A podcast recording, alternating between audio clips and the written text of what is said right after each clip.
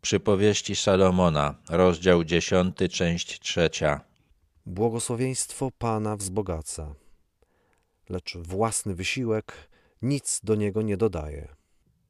Bóg zamierzył, żebyśmy majątek, utrzymanie zdobywali poprzez pracę, ale to dzięki niemu nasza praca przynosi owoc i przynosi tylko taki owoc, jaki Bóg zamierzył. Możemy przez swoje lenistwo, nierozwagę lub jakieś inne zaniedbanie nie wykorzystać okazji, które Bóg nam daje, ale więcej niż dla nas zamierzył, nie jesteśmy w stanie osiągnąć nawet przy największym naszym wysiłku. Czasami też Bóg daje nam bez naszego wysiłku, aby pokazać, że to On jest tutaj Panem i od Niego to zależy, czy będziemy coś mieli, czy nie.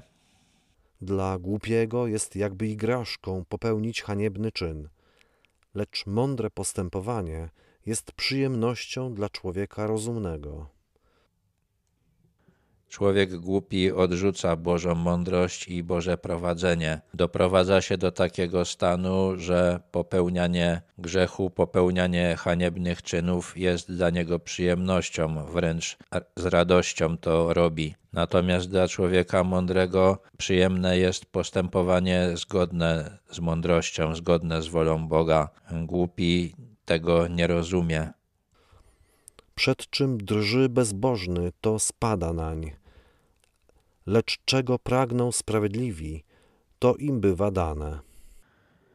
Bóg tak prowadzi losy ludzi, że to, czego człowiek grzeszny się boi, spotyka go. Natomiast temu, kto pełni Jego wolę, kto pragnie dobra, Bóg daje to, czego ten człowiek pragnie, choć zwykle trwa to dłuższy czas, zanim marzenia tego człowieka się spełnią.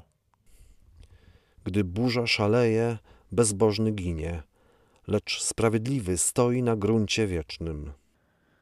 Podobna myśl zawarta jest w słowach Jezusa o tym, że ten, kto żyje zgodnie z jego nauką, buduje dom na skalę. Gdy nadchodzą trudne czasy, grzesznicy giną, a sprawiedliwi przeżywają, a to, co budowali, pozostaje. Czym ocet jest dla zębów, a dym dla oczu, tym jest leniwy dla tych, którzy go posyłają.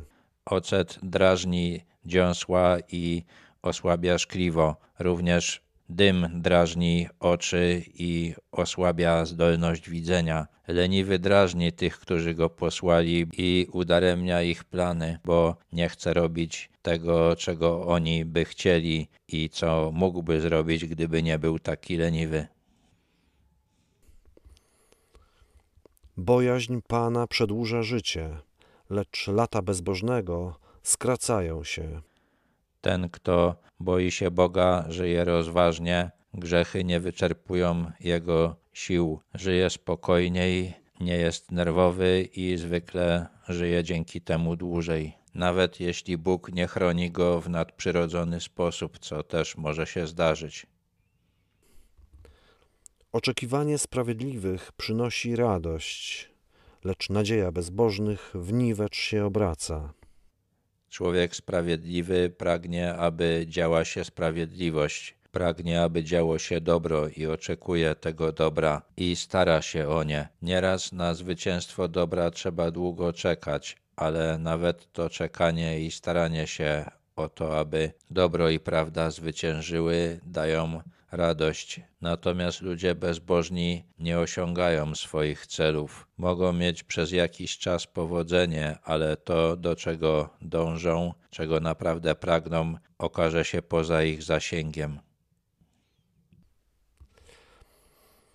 Pan jest twierdzą dla tego, kto postępuje nienagannie, lecz zgubą dla tych, którzy czynią nieprawość.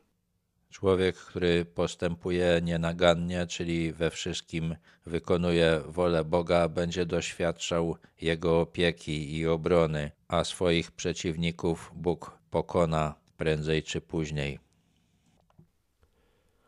Sprawiedliwy nigdy się nie zachwieje, lecz bezbożni nie będą mieszkali na ziemi. To zdanie można też przetłumaczyć sprawiedliwy nie upadnie na wieki i myślę, że to jest lepsze tłumaczenie, bo sprawiedliwi też upadają, ale ostatecznie będą z Bogiem w tym nowym świecie, w nowym niebie i na nowej ziemi, a bezbożnych tam nie będzie. Usta sprawiedliwego tryskają mądrością, lecz język przewrotny będzie wyrwany. O tym, że ten, kto sprawiedliwie żyje, będzie umiał też dobrze mówić, Salomon już pisał. Teraz dodaje, że przewrotny zostanie zmuszony do milczenia. Wargi sprawiedliwego wypowiadają to, co jest miłe, lecz usta bezbożnych tylko to, co jest przewrotne. To jest pisane z perspektywy człowieka, który ma Bożą mądrość. Kiedy spotka innego takiego człowieka, będzie umiał go rozpoznać po tym, co ten mówi. Będzie dla niego przyjemnością słuchać go. Będzie też umiał rozpoznać bezbożnego po jego mowie, bo przewrotność zauważy w jego wypowiedzi zawsze, bez względu na to, na jaki temat ten człowiek będzie mówił.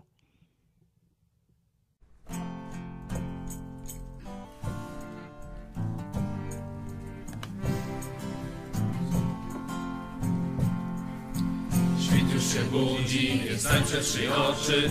Idź do ludzi i powiedz im, że ich kocham. Słońce już wstało, ciepło wokoło Ludzie wokoło, więc powiedz im, że ich kocham. Posyłam was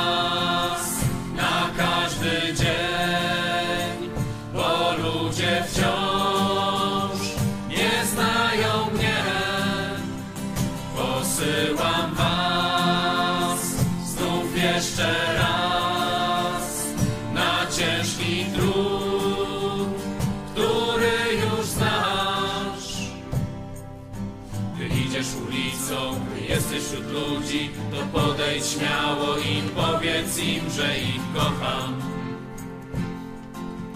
Przypomnij im o mnie, o mojej miłości, bo już zapomnieli i powiedz im, że ich kocham.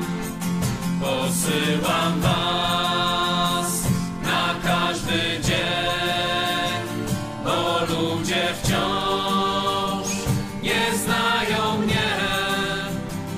Posyłam was znów jeszcze raz na ciężki trud,